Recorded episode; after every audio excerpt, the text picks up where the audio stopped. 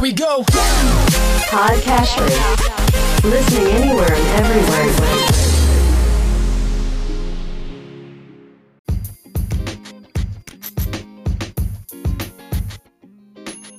Welcome to Weekly Investment Podcast bersama saya Ferdian Syahputra dari Ispring Investment Indonesia untuk Prudential Indonesia. Pada 30 September 2021 lalu, Dewan Perwakilan Rakyat resmi menyepakati pengesahan rancangan undang-undang anggaran pendapatan dan belanja negara tahun 2022 menjadi undang-undang. APBN 2022 tetap menjadi instrumen penting dalam mendukung pemulihan ekonomi melanjutkan reformasi, dan melindungi masyarakat dari bahaya COVID-19. Pada postur APBN 2022 yang didasarkan pada asumsi ekonomi makro dan target indikator kesejahteraan sosial, DPR dan pemerintah menyepakati indikator ekonomi makro itu, antara lain, yang pertama, pertumbuhan ekonomi sebesar 5,2 persen, yang kedua, angka inflasi sebesar 3 persen, yang ketiga, nilai tukar rupiah sebesar 14.350 per dolar Amerika Serikat. Yang keempat, suku bunga surat utang negara tenor 10 tahun sebesar 6,8 persen.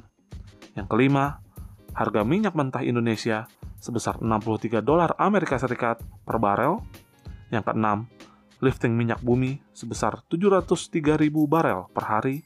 Yang ketujuh, lifting gas sebesar 1036.000 barel, setara minyak per hari. Atas berbagai asumsi tersebut, DPR dan pemerintah mematok target indikator kesejahteraan sosial dengan rincian sebagai berikut. Yang pertama, tingkat pengangguran sebesar 5,5 hingga 6,3 persen. Yang kedua, tingkat kemiskinan sebesar 8,5 hingga 9 persen. Yang ketiga, ketimpangan atau rasio Gini sebesar 0,376 hingga 0,378. Yang keempat, indeks pembangunan manusia sebesar 73,41 hingga 73,46.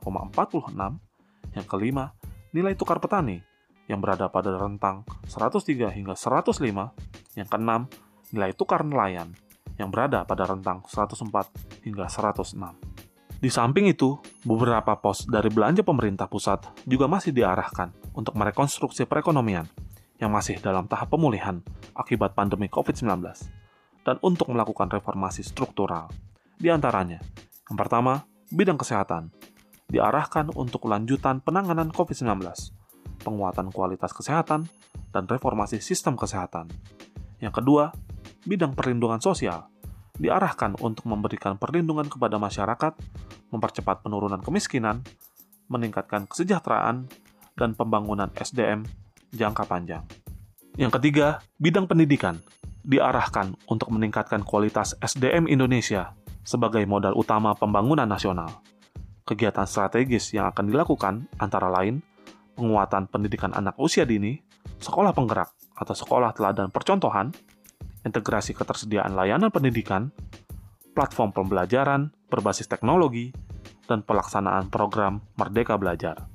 Yang keempat, bidang infrastruktur difokuskan untuk memenuhi ketersediaan layanan dasar, meningkatkan produktivitas, serta mendukung penyelesaian proyek prioritas dan strategis. Yang kelima, bidang teknologi informasi dan komunikasi difokuskan untuk mendorong percepatan penyediaan infrastruktur, teknologi informasi dan komunikasi, dan percepatan transformasi digital nasional. Yang keenam, bidang ketahanan pangan diarahkan untuk mendorong peningkatan produksi komoditas pangan dan revitalisasi sistem ketahanan pangan. Yang ketujuh, bidang pariwisata diarahkan untuk kegiatan prioritas dalam rangka mendorong pemulihan sektor pariwisata dan pengembangan destinasi wisata prioritas. Apabila kita lihat dalam asumsi APBN 2022 ini, kita melihat nuansa optimis yang cukup tinggi dalam menyongsong perbaikan ekonomi setelah hampir dua tahun dilanda pandemi COVID-19.